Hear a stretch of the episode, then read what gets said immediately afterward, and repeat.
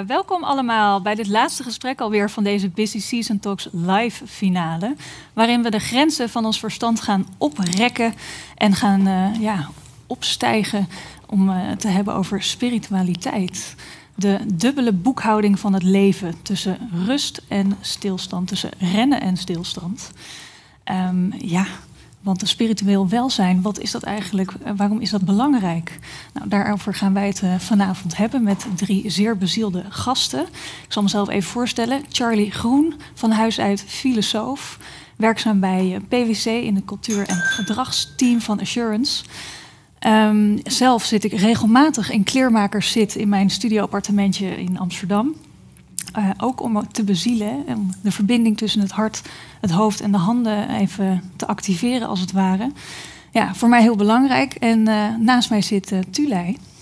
Hoi allemaal, leuk dat jullie weer kijken. Mijn naam is Tulei Dielsis-Gedik. Ik ben accountant in het dagelijks leven. En daarnaast ben ik ook moeder van twee jonge kinderen. En juist dat lijkt me een mooi onderwerp om hier eens te behandelen. Yes. En, nou, onze eerste gast hier uh, voor ons is Gerco Tempelman. Um, filosoof, theoloog en ook schrijver van onder andere Verlost van Onzin en Ongeneeslijk Religieus. Ik ben heel benieuwd waar dat over gaat zo meteen. Uh, ook uh, strominee bij uh, kerk Stroom op de Herengracht. Ik ben ontzettend benieuwd. Ik ga een keertje langs op zondag. Um, ja, hartelijk welkom. Fijn dat je hier bent. Dank. Ja. Kijk er naar uit. En vervolgens hebben we natuurlijk onze grote vriend van de show, Arnoud van Kempen. Wie kent hem niet? Um, wat leuk is, ik kan eigenlijk een heel riedeltje opnoemen van wat Arnoud allemaal doet binnen de branche en buiten de branche. Maar wat leuk is om vandaag deel te uh, mede te delen, is dat hij zijn eerste werkdag heeft gehad bij Beker Tilly Berg. Gefeliciteerd daarmee en welkom in de show. Berk is van de naam af. Hè? Oh ja, Beker Tilly. Dat was ook zo, goede toevoeging. Alright, en onze laatste gast is welbekende dominee van de Zuidas, Ruben van Zwieten. Een van de top 200 uh, meest invloedrijke Nederlanders. Heeft gefungeerd in verschillende adviesraden in Nederland en onder andere ook bij de commissie Monitoring uh, voor de Code of Banking. Ook schrijver van twee boeken. Uh, Bijbel op de Zuidas en Elite gezocht met Schilder Schimmelpenning. Nou, hartelijk welkom. Fijn dat je hier bent. Oh ja, en natuurlijk meest belangrijke oprichter van de Nieuwe Poort. Hier op de Zuidas en ook in Normandië en Valencia, als ik het goed heb begrepen. Klopt dat? Ja. Yes, nou, fijn dat je er bent, Ruben. Ja. Right, en dan laten we meteen beginnen met de eerste vraag. Want ja, spiritualiteit is natuurlijk uh, hè, lekker vaag. En dat gaan we hier proberen wat te concretiseren met elkaar.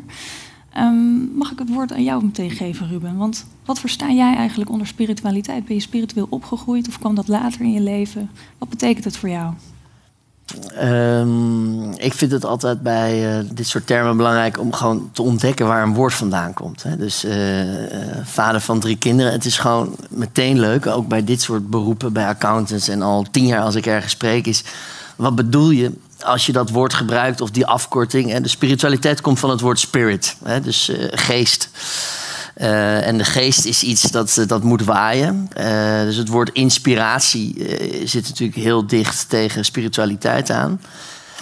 En um, ja, ik heb meerdere fascinaties. Aan de ene kant, we wonen in Nederland, dat is een heel klein postzegellandje in de wereld. Maar we hebben een enorme geschiedenis als het gaat over kerken. Tegelijkertijd in de rest van Europa, want ik ben met de Nieuwe Poort dus in, inderdaad in meer Europese landen, voornamelijk EU-landen, aan het ondernemen. Zien we een enorme neergang van de kerken, leegloop van de kerken, kerken, kloosters die te koop worden gezet. En in Nederland lopen we daarin voorop. Dat is fascinerend. En, en tegelijkertijd uh, weten we dat, dat, de geschiedenis van Nederland heel erg ook samenvalt met, met de geschiedenis van kerken. Bij mij is het eigenlijk gekomen toen ehm, mijn oudere broer en zus gingen nog wel naar de kerk. Ik ben eigenlijk nooit naar de kerk geweest. Totdat mijn uh, opa en oma's in een vrij korte tijd, ongeveer uh, twee jaar, gingen we vier keer naar de kerk. Want dat hoorde dan nog net wel bij. De, de begrafenis was in de kerk. Ja. En daar dacht ik, ik denk, jeetje man, uh, mijn mama zonder papa, mijn papa zonder mama. Wat, ik heb ook ooit een keer zo'n dag. En toen heb ik gezegd dat ik niet meer piloot wilde worden. En dat heb ik toen ingewisseld voor, um, voor dominee. En dan word je puber. En dan heb je natuurlijk door dat het best wel uncool is om dat dan uh, te willen blijven worden. En ehm, uiteindelijk eh, ben ik, is, is toch die weg zo gegaan. Wel heel eh, atypisch. Hè? Dus ik ben president van het studentenkoor geweest. Nou, ik kan je vertellen, als je in Leiden studeert... zijn dat twee uh, extreem uiteenlopende dingen. En, en dat, dat, dat kenmerkt mij nu nog steeds. Dat ik juist dus steeds met één been in een wereld wil staan... En dat ik die beide werelden ook wil, wil inspireren. dus de infrastructuur voor spiritualiteit die van oudsher van, van de kerk komt en niet van kleermaken zit in je jup-appartement in de pijp. Maar uh, ja, dat, dat, dat wat zakelijker kan. En tegelijkertijd, daarom heb ik dus ook, denk ik, een paar jaar geleden op verzoek van de minister van Financiën in de Code Bankencommissie gezeten, mooie commissie Code Banken. Ja, net na die bankencrisis. Weet je, er is heel veel aan dilemma's, daar komen we het straks nog over. Dat je ook zelf kan oefenen. En dat hoeft niet dus uh, op zoek naar je innerlijke fluit. Maar dat kan dus ook naar gewoon een lastig voorbeeld in het leven. Waarvan je denkt, jeetje man, twee dingen kunnen ook wel tegelijk waar zijn. Ja, precies. Hoe spiritueel uh, de kleermaker zit is en hoe oud die traditie ook is. Daar kunnen we het een andere keer misschien over hebben. um, Gerco, wat, wat, wat is spiritualiteit voor jou? Hoe, uh, speelt het een rol in jouw leven? Ja, ik, ik, ik, um, ik vind het nooit zo helpen inderdaad dat we vandaag de dag heel erg denken aan, um, aan iets dat heel erg gaat over iets heel individueel, individueels. En ook iets heel uh, ja, opgeheven of zo. Hè? Dus dat is inderdaad, dat gaat al snel over uh, nou ja, dat, uh, wat je zelf doet en, en wat gaat over de geestelijke wereld of zo. Um, ik hoorde ooit de definitie van een vriend van mij die zei: spiritualiteit dat gaat over het op, lijn brengen van wie je zelf bent, wat je doet en wat je wil, hè, waar, waar, je, waar je naar op zoek bent. En als je dat bij elkaar brengt, dan, dan ben je een spiritueel mens, als je daarna streeft. En, en hij zei toen, daar heb ik heel veel aan gehad, hij zei als je, dat, dat kun je eigenlijk altijd doen, dat kan iedereen even doen. Um, wie is voor jou nou zo iemand waarvan je zegt, die klopt, zeg maar, als persoon. Uh, die brengt dat inderdaad bij elkaar. En, en dat gingen we toen ook even in een oefeningetje zo even doen. En dan komen dus heel uh, verschillende antwoorden uit. Maar, maar dat zijn altijd wel mensen waarvan, waarvan je dus voelt dat er in zo'n persoon iets gebeurt. Waarvan je denkt, oh ja, zo zou ik wel willen, willen zijn als ik later groot ben, bij wijze van spreken. Bijna een Aristoteliaanse ethische ja. oefening van ik vind dat een goed mens en ja. ik wil dat zelf ook zijn. Ja. Hoe kan ik daar komen? Zeker. Hè, dus dat is inderdaad de Aristoteliaanse filosofie, absoluut. Hè, dus dat karakterbeelding. Een beetje filosoof onder elkaar. Ja, ja, precies. Ja, ja, ja, heerlijk is dat. Wel een mooi vak. Um, en, en ja, ik kom dan uit bijvoorbeeld. Ik zat daar en ik dacht, uh, wat, ja, aan wie denk ik dan of zo? En toen dacht ik dacht aan Stef Bos of zo. Hè, die staat dan, die had ik net de avond voor tv op een podium zien staan of zo. Die, die, die stond daar gewoon heel erg zichzelf te zijn. En, en ook daar heel authentiek in te zijn. Toen dacht ik, ja, als ik later ik kan helemaal niet zingen en zo. Maar als ik later iemand word zoals Stef Bos, dan teken ik daarvoor. Hè? En, en, en dat is voor mij eigenlijk wel wat spiritualiteit is. Het gevoel ook dat je samenvalt met jezelf, no matter where you are. Ja. ja, en dan moet je ook, denk ik, professioneel in mijn geval uh, uh, voorzichtig zijn. Want de vraag is natuurlijk of je daar ooit bij uitkomt. Ja. Hè? Gaat het ooit lukken? Vermoedelijk niet. Ik denk niet dat Stef Bos denkt, ik ben, ben al jarenlang klaar of zo. Waarschijnlijk niet. Uh, maar, maar dat is wel het streven. En het is eigenlijk een heel intuïtief en logisch streven. En die zin ook heel concreet. Veel meer dan het ergens over iets, iets, iets vaags gaat of zo. Dat is gewoon, iedereen kan het voor zichzelf bepalen. Ja, heel mooi, dankjewel. Arnoud, heb jij eigenlijk iets met spiritualiteit? Of is dat toch meer. Uh, ik kan, ik, je komt op mij altijd zo nuchter over. Ja, maar dat gaat ook uitstekend samen. Het, het hele concept spiritualiteit als iets zweverigs, dat, dat zegt me echt helemaal niks. Het is. Um, voor de context goed om te weten dat ik uh, diaken ben in de katholieke kerk. En, en wij noemen mensen die gewijd zijn, want dan ben je gewijd, noemen we geestelijken. Nou, daar zit het woord al in. Het is, uh, dus dat is wat ik ben. Uh, en dat betekent dat je het geestelijk leven voorrang geeft. Um, de spiritualiteit hoort daar gewoon heel, heel normaal bij. Um, als je gewijd wordt in de katholieke kerk, dan heb je ook een spirituaal. Dat is een soort nou, persoonlijke coach op, op spiritueel gebied. Um, en wat doet zo iemand dan? Nou ja, wat, wat coaches doen. Je, je, je helpen met het ontwikkelen van je, van je spirituele leven. Um, het, het, het, grappige vind ik, want het wordt tegenwoordig heel vaak gebracht als iets moderns en ook als een soort alternatief voor de kerk. Het is, het is voor Europa een typisch uh, kerkelijk iets, spiritualiteit. Ja. Um, je hebt, ik ben slecht in jaartallen 16e, 17e eeuw, Ignatius van Loyola. Uh, de stichter van de Jezuïetenorde. Zegt niemand maar iets, weet ik ook wel. Uh, 17e Mij eeuw. niet. Ja. 17e eeuw, die, die, die schreef een werkje De Geestelijke Oefeningen. En die benadert dus het geestelijk leven ook echt als... In zijn inleiding schrijft hij het bijna letterlijk. Van je kunt je lichaam trainen door lichamelijke oefeningen te doen. Sport. Maar je kunt op precies dezelfde manier... en volgens precies dezelfde principes... je geestelijk leven trainen. Nou, dat, dat, dat heeft ermee te maken. Het is, het is iets wat je in je dagelijks leven doet. Ehm, een van de dingen. Ik ben de laatste jaren steeds meer eh, jonge moslims tegengekomen. En een van de dingen die mij daar enorm aan aanspreekt, is de, de vanzelfsprekendheid waarmee heel veel moslims, jonge moslims, nog steeds eh, bidden, bijvoorbeeld. Eh, gewoon een paar keer per dag, eh, vaste gebedstijden. Nou, dat geldt in mijn wereld ook. Ehm, voor leken, dat, dat, dat zijn dan de mensen die niet geestelijk zijn, is dat iets van zou je kunnen doen. Voor geestelijk is dat gewoon een verplichting. Dat is een verplichting die je op je neemt. Ehm, en dat is het grappige, dat, dat herken ik van veel jonge moslims ook. Dat, dat- die zeggen ook, het is een verplichting, het moet. Ehm, maar het is een moeten zoals je ook naar de sportschool moet. Je moet helemaal niet. Maar het, het hoort erbij. Het is, het is gewoon in je dagelijks leven een, een, ja, een, een ontwikkeling die je doet. Een je gezond houden. Ehm, en, en in die zin dus eh, niets zweverigs aan. Ehm, en als je dus zegt van ja, ik vind het helemaal niet bij jou passen. Nou, dat vind ik dan eigenlijk wel goed. Dat hoeft ook helemaal niet. Maar eh, mag ik daar iets over vragen? Ja. Want, want eh, zoals je het zo vertelt, hè, eh, kan het ook een heel individueel, individueel proces zijn. Terwijl ik me eigenlijk juist kan voorstellen dat in de katholieke traditie is het ook iets heel erg gedeeld. Of zo, toch? Waar, waar Ja, maar dat is, het maar het is beide. Je, je stapt daar individueel in, maar het is wel iets gedeelds, ja. Het is, neem dat, dat bidden. Ik, ik bid de getijden, dat is hoe we het dan noemen. De- het getijdenboek of, of de, de, de, liturgie van de uren heet het officieel. Want er zijn vaste gebedstijden op een dag waar vaste gebeden bij horen. Laudaten. Sorry? Nee, dus de laudaten en de Ja, nee, precies. Het is, het- en, en allemaal bij de tijd hoor. Ik heb gewoon een appje op mijn telefoon eh, waarin ik de, de, de, de gebedstijd, eh, de, de- de- gewoon de hele tekst zet. En het grappige is, dat is dus op dezelfde tijd, met tijdzones, over de hele wereld. Hmm. Alle katholieken, althans alle geestelijken, bidden dezelfde gebeden op hetzelfde moment ehm, met elkaar. Het is, het is heel bewust iets wat je samen doet. Het is voor mij ook geen enkel probleem als ik in een buitenland ben waar ik totaal niet spreek. Ik ben op een gegeven moment in Oostenrijk geweest. Nou, Duits ben ik al niet zo goed in, maar Oostenrijks, daar bak ik echt niks van. Eh, waar dan de vespers gebeden worden in de kathedraal in Wenen. Ik sluit me daar zonder probleem mee aan. Alleen, ik doe het in het Nederlands. En ik, weet, ik versta ze niet, maar ik weet dat ze hetzelfde aan het doen zijn. Want het is gewoon wereldwijd hetzelfde. Ehm, dus ja, het is, het is iets heel, heel gezamenlijks. Maar je zit er wel individueel in. Ja, heel mooi om te zien dat jullie hier zo allemaal zo openhartig over zijn. En het is natuurlijk best wel iets, iets intiems.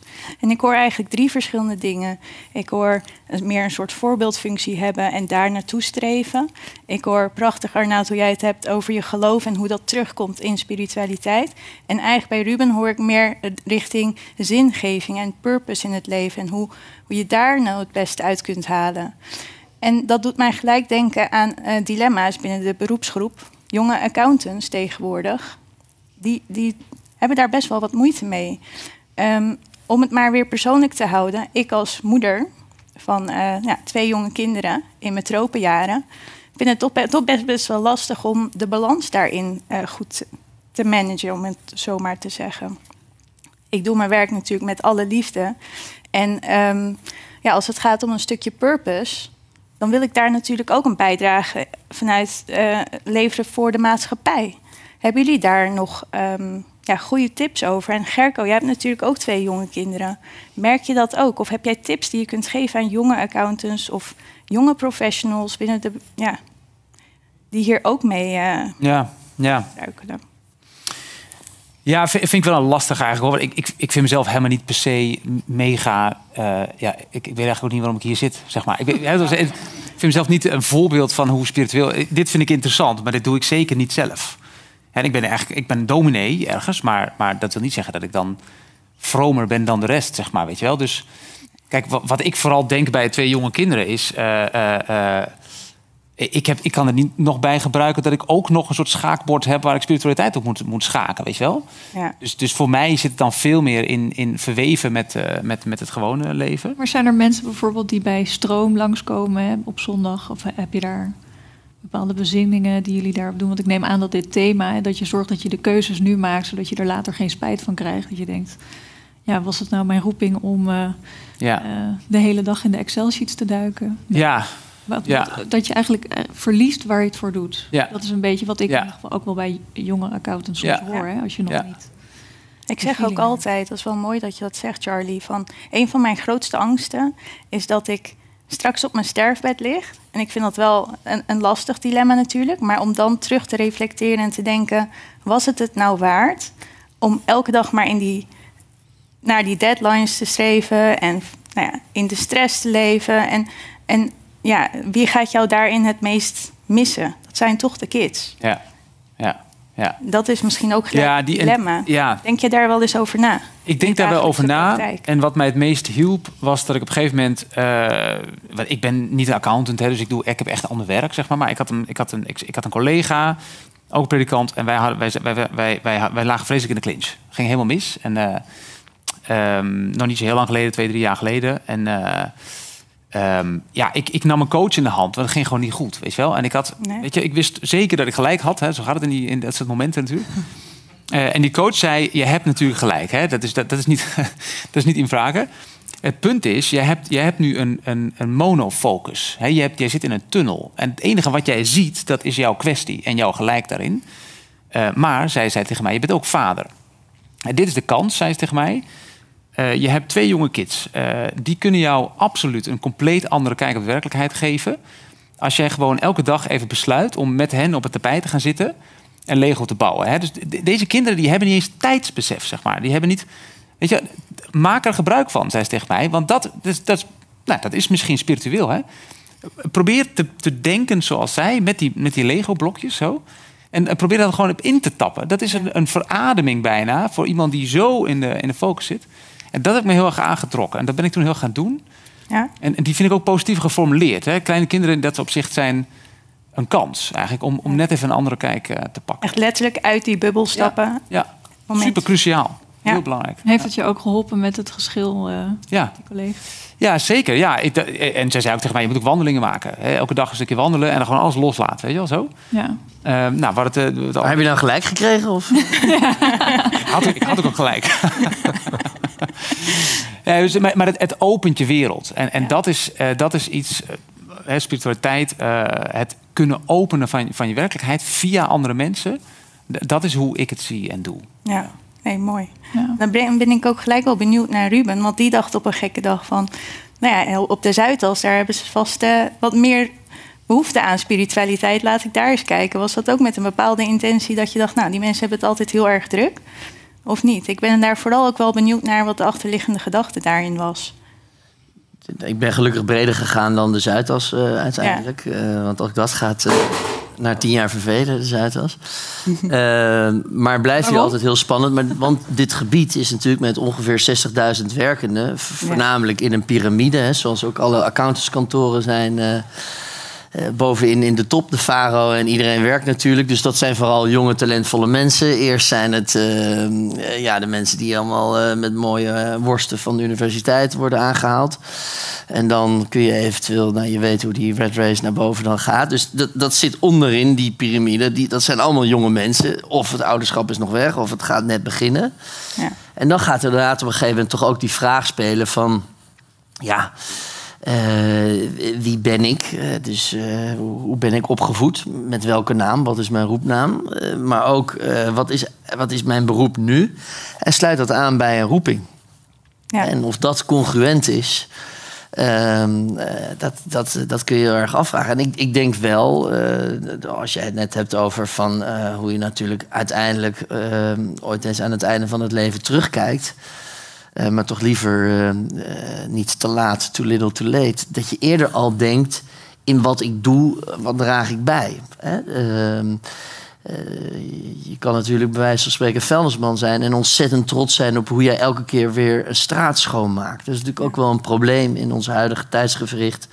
Dat het werk dat wij doen steeds verder een afgeleide is van het resultaat dat wij zien. En dat met name hier op de Zuidas, waar toch heel veel dienstverleners werken, steeds meer papierschrijvers zijn geworden. Waarmee je de rechtstreekse contact in het relationele weglaat. En waardoor je niet meer ziet voor wie en wat je doet. Ehm, dat is een vraag die je elke keer weer opnieuw, eh, opnieuw moet stellen. En anders zou ik zeggen, om het nog even in uh, Egyptische piramidetermen te houden, zoek dan vooral de Exodus. Hè? Je hebt net dat verteld. Je bent weggegaan bij Deloitte. Ja, ik weet niet hoe je bent teruggekomen, maar uh, dat... Ja, daar hebben we het net inderdaad wel even over gehad. En uh, ja, ik ben teruggekomen juist met die purpose om ja, veel meer te doen. Want we hebben een prachtig beroep. En om daar vaker bij stil te staan, daar nodig ik ook alle collega's voor uit. Als je stilstaat bij waarom, en, en daar hangt een mooi voorbeeld foto van Limberg. Waarom is ons beroep überhaupt ontstaan? Dat is een stukje vertrouwen toevoegen aan de informatie die wij geven, waar de ma uh, maatschappij behoefte aan heeft. Maar ja, ik, ik, ben het ermee eens. We zien dat stukje vaak niet. En er is niet voor niets een verwachtingskloof. Dus um, mooi om straks nog even verder op in te gaan, uh, Ruben. En Arnoud, wat, um, hoe zie jij dit eigenlijk als het gaat over het stukje purpose? Is dat iets waar je je geloof bij kan uh, gebruiken om dat te kan. weten, Dat om kan. te navigeren? Ja, dat kan, dat hoeft niet. Ik, ik denk zelf dat het andersom werkt. Dat Je, je, je, bent, je hebt bepaalde ideeën, je leeft op een bepaalde manier en daar past een geloof bij. Ik geloof nooit zo in het geloof als, als startpunt. Uh, maar goed, het is, daar kun je tegenaan kijken zoals je wil. Ik was ooit in een klooster in uh, Achel. Daar kwam ik graag toen er nog uh, gasten werden ontvangen. Um, een, student vraagt daar, dat is vlakbij Eindhoven, dus daar gaan nogal studenten van de TU naartoe. Dat is niet vaak de meest religieuze groep studenten die je hebben kan. Um, en, en, iemand vroeg aan zo'n oude monnik van, uh, nou, stel nou hè, het is allemaal niet waar. Dan heb je dan heb je hier gezeten. Je hele leven op je eentje in zo'n kluis en, en, en met nou, toch een tamelijk kaal leven. Uh, waarop die monnik reageerde. Hij zegt, weet je, het mooie is, als ik straks doodga en het blijkt allemaal wel waar te zijn. Hartstikke mooi. Ja. En als het niet waar is, dan heb ik toch een fantastisch leven gehad. En ik denk dat dat wel het punt is. Je moet oppassen voor jezelf te denken dat het allemaal het najagen is van een of ander geld of positie of, of dat soort dingen. Um, uiteindelijk is het allemaal niet zo vreselijk spannend. Uh, zorg dat je iets aardigs doet voor je medemens. Als je ze hebt, je kinderen goed opvoeden. Ik heb er vier. Um, ja, dan, dan doe je het eigenlijk al vrij, vrij snel goed. En dan vind ik, dat vind ik wel grappig dat jij zei van... ik heb geen tijd meer voor dat schaakbord van spiritualiteit. Ik zou het niet redden zonder. Um, want het is voor mij niet een extra last. Het is de manier om met alles te kunnen omgaan. Ja. Maar dat is ook heel persoonlijk. Ik kan mij ook heel goed voorstellen dat mensen denken: joh, alsjeblieft. Um, ik heb bijvoorbeeld, om, eigenlijk al zeker zolang als dat ik ZZP'er was... en ik moet nog zien of ik dat bij Becatelli ook nog spits krijg... Um, Mooie uitnodiging, Beker. Ja, ja, ja. Nee, ik hoop dat jullie luisteren. Er zijn collega's. Um, ik, heb, ik heb altijd in de Goede Week bijvoorbeeld uh, geprobeerd niet te werken... en zeker vanaf Witte Donderdag werk ik gewoon niet. Ja. Um, ik wil vanaf Witte Donderdag naar de kerk kunnen en uh, Goede Vrijdag vrij hebben. En, en dan kun je zeggen, het is allemaal theater en poppenkast. Dat is het ook. Ik ben katholiek, hè? Ik bedoel, wij, wij excelleren in poppenkast en theater. Dat is, dat is onze core business zo'n beetje. Um, maar het is wel hele deugdzame poppenkast. En, en hele gezonde, gezond theater. En nou ja, dat, dat, ik, ik wil daaraan meedoen. En dat, datzelfde geldt voor een, een, een vaste tijd waar je aan meedoet. En, de, de, en, en, iedere religie heeft dat. En je kunt het ook niet religieus doen. Want als, als je zegt, ik kies voor yoga en, en daar haal ik het uit. Er zijn mensen die halen het uit sport. Het, het, het, dat maakt allemaal niet uit. Maar het, het, idee van het is, het is nog iets wat ik moet. Nee. Het, is, het, het maakt het juist leefbaar allemaal. Ja. En uiteindelijk, als je dan op je sterfbed ligt, volgens mij ga je dan niet eens terugkrijgen, heeft het allemaal wel zin gehad. Als je op je sterfbed ligt, heb je echt hele andere dingen aan je hoofd. Dat ligt namelijk dood gegaan, dat, is, dat schijnt vrij heftig te zijn. En met een beetje geluk heb je kinderen om je heen. En dat is meestal kleinkinderen en achterkleinkinderen. En daar ben je dan op gefocust. Dan zit je echt niet meer af te vragen of je nou niet te hard voor Deloitte gewerkt hebt. Of, of voor, voor wie dan ook. Echt niet. Gerco, ik zag je ja, nou, nog even uh, in aanvulling daar misschien ook op. Hè, want het gaat dan nu over kinderen en zo. En, en kinderen is dan in mijn geval, en, en bij jullie ook hoor ik, uh, een makkelijke ingang. Maar is wel zinnig om dat nog een beetje op te rekken, denk ik. Want um, um, het, het, het, meest... We hebben het er nu over dat purpose, dat dat, dat, dat ook in je werk terug zou moeten komen. Hè? Uh, ik denk dat er heel veel mensen zijn die zeggen... het laatste waar ik mijn purpose in vind, is in, is in mijn werk. Hè? Dat, dat, dat is natuurlijk heel legitiem. Um, uh, wat voor mij het, het meest in mijn leven het meest betekenis geeft, hè, of het meest zin geeft, of waar ik aan het eind van het jaar naar terugkijk en denk dat was, ja, dat, dat was intuïtief zeg maar het hoogtepunt. Uh, zit bijna nooit in mijn werk eigenlijk, ook al doe ik best uh, iets wat dicht bij me ligt zo. maar ik woon in een woongroep met, met 13 appartementen in één huis. Ja. Um, en, en, dat zijn mensen die in compleet andere sociale lagen van de samenleving zitten. Die worden opgevangen, vaak moeders met kinderen. Zo, die hebben geen woning, die moeten worden geholpen, et cetera. Um, ik woon daar nu acht jaar en ik ben nog altijd verbaasd zeg maar, over hoeveel dat, hoeveel dat oplevert voor mij. Zeg maar. Iedereen zegt, nou fijn dat jij daar woont, want ik moet andere mensen die kwetsbaar zijn enzovoort uh, een steuntje in de rug of zo. Niet aan de hand. Ik woon daar omdat ik mensen tegenkom, uh, al acht jaar lang, waarvan nog nooit, en dat zijn tientallen mensen, nog nooit iemand aan mij gevraagd heeft: wat doe jij eigenlijk? Uh, voor je dagelijks leven of zo. Hè? Nooit. Ja. En overal waar ik kom is dat de eerste vraag die ik krijg. En het is zo verfrissend dat mensen echt niet geïnteresseerd zijn in alles wat ik mijn dagen mee vul. Gewoon nul. En het enige wat wel interessant is, is hoe ik met mijn kinderen omga. Of, of hoe ik, uh, wat ik kook op uh, zeg maar. Hè? Um, ik, ik, haak even aan op wat, Ruben zei. Hè? Dus, dus papieren schuiven.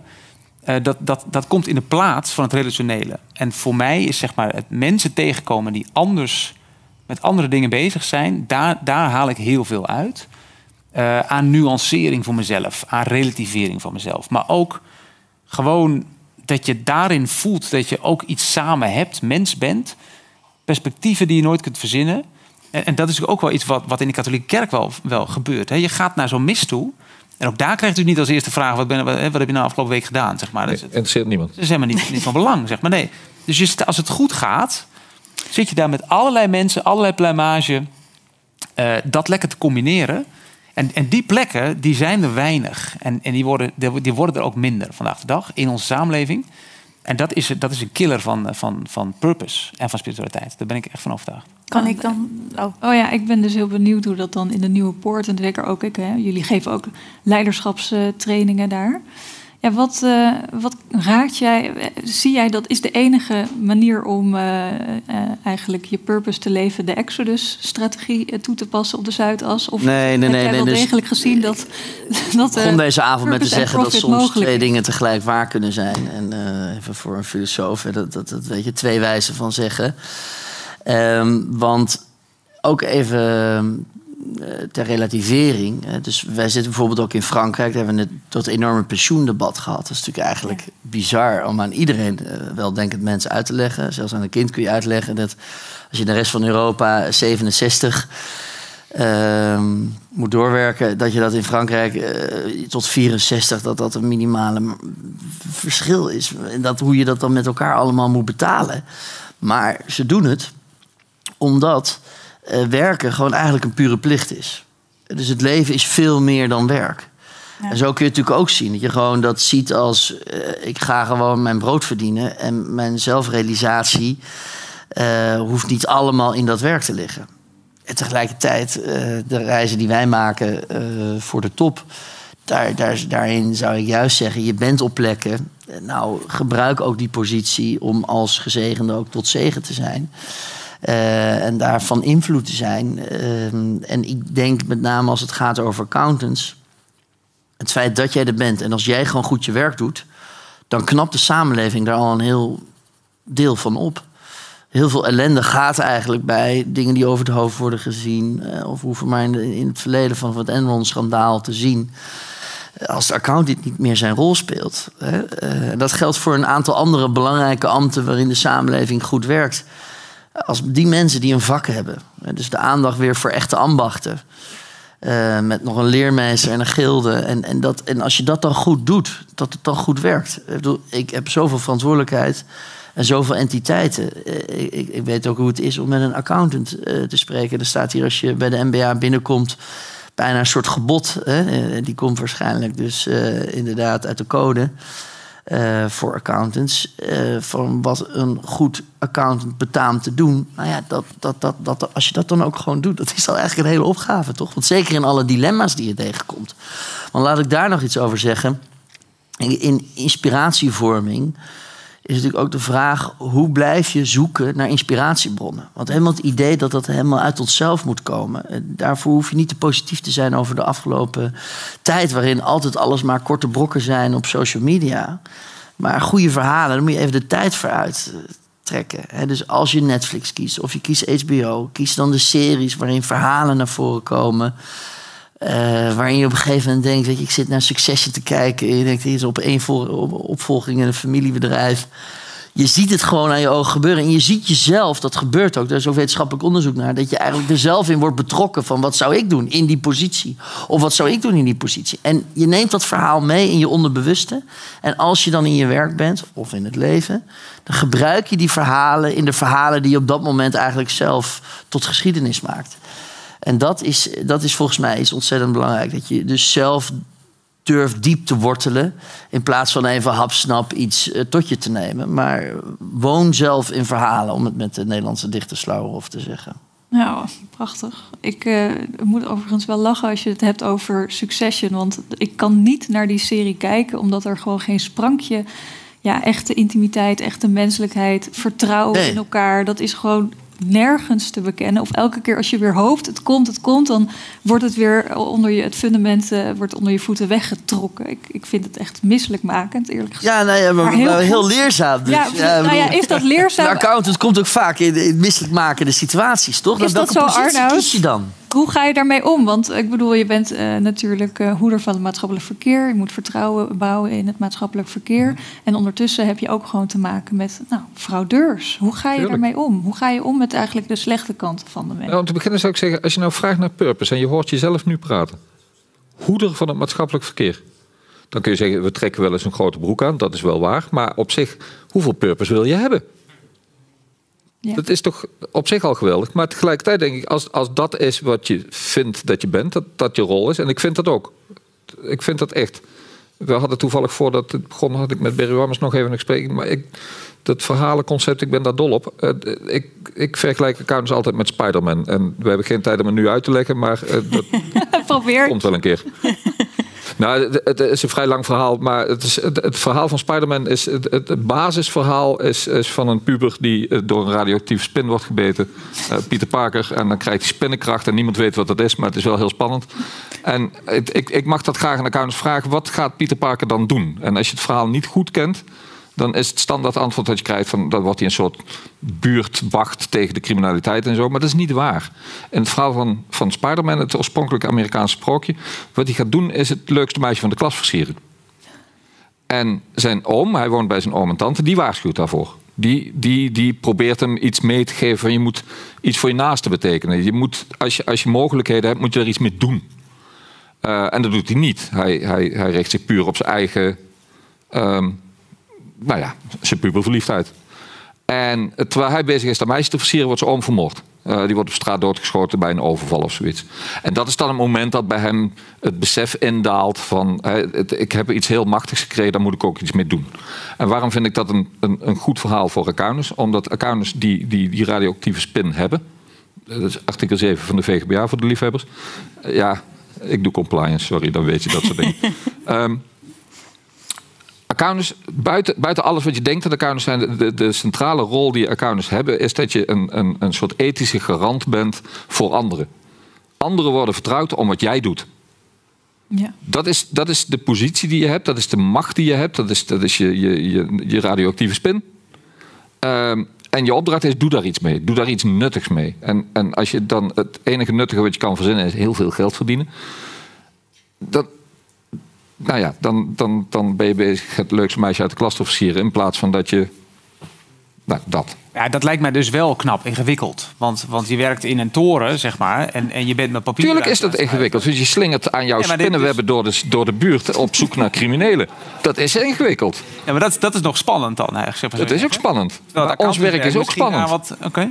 Ons werk is gigantisch spannend. Niemand begrijpt het. En daarom denkt iedereen dat het een beren saai is. Ja, maar dat lijkt me dus ingewikkeld. Dat je dus vaak tegen jezelf moet zeggen... ik ben belangrijk in het maatschappelijk debat. Dat moet je dan dus ook doen, zegt Ruben. En nou, Ja. geloof ik helemaal. Maar volgens mij kun je, kun je ook gerust dat een hele leven tegen jezelf zeggen... zonder dat je het echt gelooft. Ja, Dat lijkt mij maar wat, wat niet nodig is, en dat begrijpen niet elkaar zelden, maar wat niet nodig is, is dat je jezelf moet vertellen dat het spannend is. Dat, dat merk je wel. Mm. Want wat je zegt over die fraudeurs, maar dat is wat het spannend maakt. Het is ongelooflijk spannend, ons werk. Niemand gelooft het, hoor. Echt niemand. Dus, Ook de accountant zelf dus niet. Nou, die, die zo nu en dan gelukkig wel. Eh degene die Mm. dat het dat verlaten, dus die hebben het niet. dat, eh, eh, maar Maar dit is wel een mooi dilemma waar we op voort kunnen borduren. Want inderdaad, we hebben zo'n belangrijke purpose of, ja, in, voor ons beroep. Maar ondertussen hebben we zoveel deadlines, werkdruk, compliance druk, toezichthoudersdruk. En soms, wat we ook zien, is dat jonge collega's daardoor denken... wil ik nog wel accountant worden? Dus dat stukje zingeving, dat is heel belangrijk om dat te verweven binnen onze dagelijkse werkzaamheden. Dus hoe zorgen we ervoor dat we gedurende de dag of iets blij zijn met waarom wij, wij accountant zijn geworden? Mag ik daar een heel, heel fout en, en heel katholiek en daarom heel fout in dit gezelschap eh, eh, antwoord op geven? Eh, je had moeder Teresa, dat is, was een of andere non in, in India die daar voor de armen zorgde en zo. En die is inmiddels heilig verklaard of iets in die richting. En ehm, het, het grappige is dat zij dus voor katholieken echt het toonbeeld wordt. Nou, dat, dat, dan ben je echt een turbo-katholiek. Dat is. eh, zij heeft ooit verteld dat zij, zij heeft vrij jong een godservaring. En is die daarna volledig kwijtgeraakt. En heeft haar hele leven daarmee geworsteld. Als zij had geredeneerd zoals die jonge accountants, dan had ze ja, ik ben het kwijt, ik ga iets anders doen. Als je dat kwijt bent, dan moet je gaan zoeken. Want je hebt het ooit gehad. Je weet dat het er is. Je bent dit beroep ingegaan omdat er iets is. Als je dat kwijtraakt, tijdelijk, dan moet je je realiseren dat dat tijdelijk is. En, en dat kan jaren duren. Dat kan echt jaren duren. Totdat je kinderen volwassen zijn, op zijn minst. Want dan wordt het wat rustiger. Ehm, nee, maar zonder gekheid. Is, dan neem die tijd maar. Je hebt, je hebt nog jaren van leven. Het, het hoeft niet allemaal nu geweldig en fantastisch te zijn. Maar, en, en ik zou dan ook zeggen, zoek het in India. En, en niet letterlijk, hè? Pa- Ja. pak niet een rugtas, maar, maar, maar wel zeg maar, wat je met die kids, wat, wat, wat die coach tegen mij zei. eh, Je moet, een, je moet uit, dus de exodus, je moet er wel uit af en toe. Ik denk dat het grootste gevaar is vandaag de dag in onze samenleving, is dat iedereen in zijn eigen beroepsgroep, daar zitten je vrienden, daar haal je je partner vandaan. In ge- hè, De meeste mensen halen hun partner uit hetzelfde beroepsveld eh, als, als zij, zeker hoogopgeleide kringen. Eh, als je daar nooit uitkomt, zie je niet wat je doet. Ja, Dus je moet eruit. Dat andere perspectief heb je nodig. En dat is heel simpel eigenlijk. Eh, wat dat betekent dat je naar plekken moet gaan... waar mensen tegen jou zeggen... wat, wat, wat in godsnaam doe jij hier? Zeg maar. Hoe vaak krijg je nou die vraag? Dat iemand tegen jou zegt... wat doe jij hier? Zeg maar, nou, daar moet je zijn, volgens mij. Ja. Af en toe. Om, om ook van een buitenaf je te kijken... naar wat je nou eigenlijk aan het doen bent. Dat is super cruciaal. En ik denk dat het heel weinig gebeurt. Ja. Dus uit die bubbel. Ja. En dan wil ik hem eigenlijk ook heel graag even aan Ruben geven. Want heb jij daar nog een bepaalde aanvulling eh, bij vanuit alle, ja, de expertise die jij opdoet? Eh, want uit de bubbel, op zoek naar zingeving, terug naar dat moment of loslaten. Hoe kijk jij er eigenlijk tegenaan? Ehm, nee, kijk, je hebt dus die verhalen. Hè, dus daar, daar moet je telkens ook echt ruimte voor maken. Want dat moeten diepgaande verhalen zijn. Dus iets positiefs van de laatste tijd zijn natuurlijk podcasts. Omdat je daarmee eh, sowieso minder prikkels... maar dus het luisteren en je moet gaan inbeelden. En het oefenen van inbeeldingskracht is ontzettend belangrijk. Want daarmee bereik je verbeeldingskracht... waardoor je ook anders kan denken dan de situatie zoals die is... maar zoals die ook ooit weer zou moeten zijn. Heb je daar Ehm, een soort oefening of hoe oef- beoefen je zoiets? Eh, nou, eh, de- de ver- verbeeldingskracht eh, is als je iets moet, moet inbeelden. Ja. Dus wij kijken zoveel. Ik gaf net het tip, stom. HBO, Netflix en zo. Maar het begint natuurlijk eigenlijk gewoon weer met romans lezen. Fictie, dingen die niet gebeurd zijn. Wauw, ja. Hè, dus. Nou, accountants dan weer romans lezen, zo ja, nou ja, we zijn al tot Spider-Man. Ja, of. Spider-Man kan ook. dus het kan allemaal, maar die verbeeldingskracht vraag maar aan kinderen. Hè. Dus Ja. Eh, dus dat is iets, ehm, dat is iets on- ongekend belangrijks. Het tweede is, is ook, als je weet dat je aan de goede kant van de samenleving zit, je zit bij de sterken, dan moet je dat je ook weten dat je iets met de zwakkeren moet doen. En, eh, want die zijn op jou gericht. En eh, jij kan niet wegkijken. En jij kan heel makkelijk bezig gaan waar je volgende vakantie is. Of waar je nog weer een nieuwe gadget vandaan gaat halen. Maar het is zo bijzonder om eigenlijk met iets kleins, in, eh, in wat voor een eh, gezelschap of stichting of initiatief het ook dan is. Maar, maar doe iets. En, en eh, probeer het niet door een berg op te fietsen en dan te kijken waar je geld naartoe gaat. Maar probeer echt in ontmoeting met die ander te komen. Wat eigenlijk ook weer een verhaal is. Hè? En, en het derde is, en dat is misschien wel genoemd, ehm, is vooral ook aandacht voor rituelen.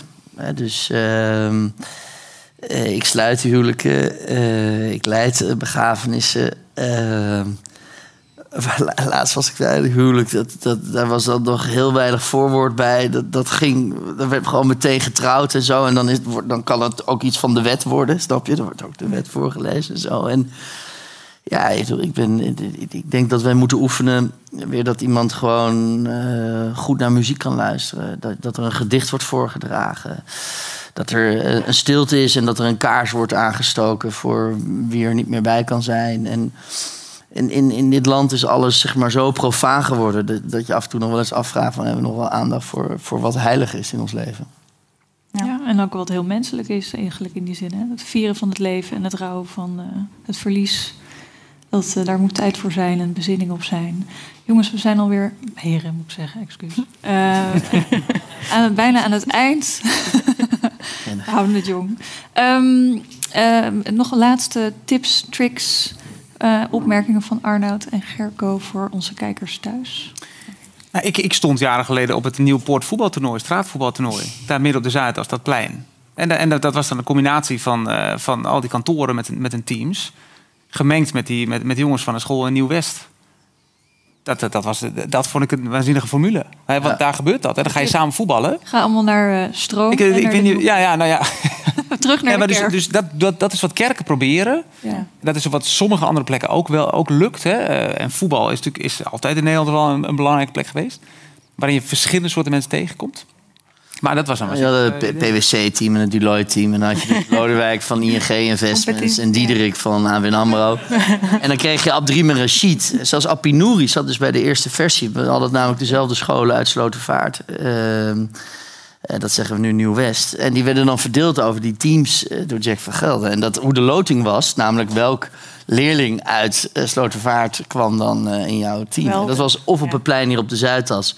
of in Slotervaart al, uit Altijd Lastig. Eh dan gingen al die leasebakken daar naartoe. Dat, is, dat zijn super mooie ontmoetingen geweest. Ja, zeker. Geweldig mooi. Ga uit je bubbel. Daar nog iets aan toe te voegen, Arnoud, als laatste woord. Nou ja, een heel, heel flauw advies, maar maak je niet zo druk. Lijkt me Nee, echt. mooi. Ja, en, en ik wil toch nog aan mijn buurman vragen dat we de katholieke kerk ook toch nog eens als instituut bestuderen. Hè? Want dat was zo mooi. Er zijn ook dingen ook misgegaan. Dan mogen we dat toch ook even aan een accountant die daar geestelijke is. Ik bedoel, dat wordt dan niet aangeraakt. Maar eh, ik bedoel, eh, dat is natuurlijk wel eh, met, met liefde voor Rome. Maar tegelijkertijd ook.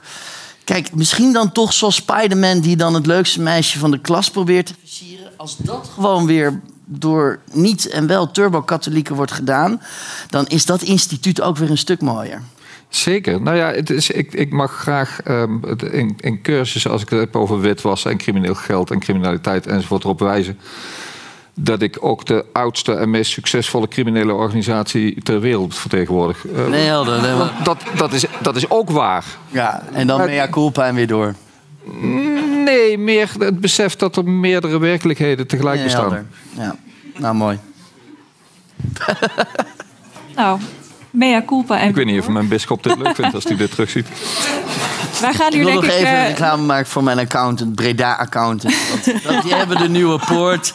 Die hebben de nieuwe poort zo goed geholpen in het afgelopen Ja. jaar. Dus het zit niet allemaal in torens. Gewoon in Bavel. Maar ze noemen zichzelf Breda Accountants. Dat was toch qua marketing beter. Maar ik rij er altijd met zoveel plezier heen. En dan eh trek ik af en toe mijn pekska aan en doe ik carnaval met ze. Kijk eens aan. Nou, fantastisch. Eh, wij gaan hier afronden. Ik denk dat we zo meteen eh, het gesprek voortzetten bij de borrel. Maar hartstikke bedankt voor het kijken. En ik geef het woord eh, weer terug bij Gerrit.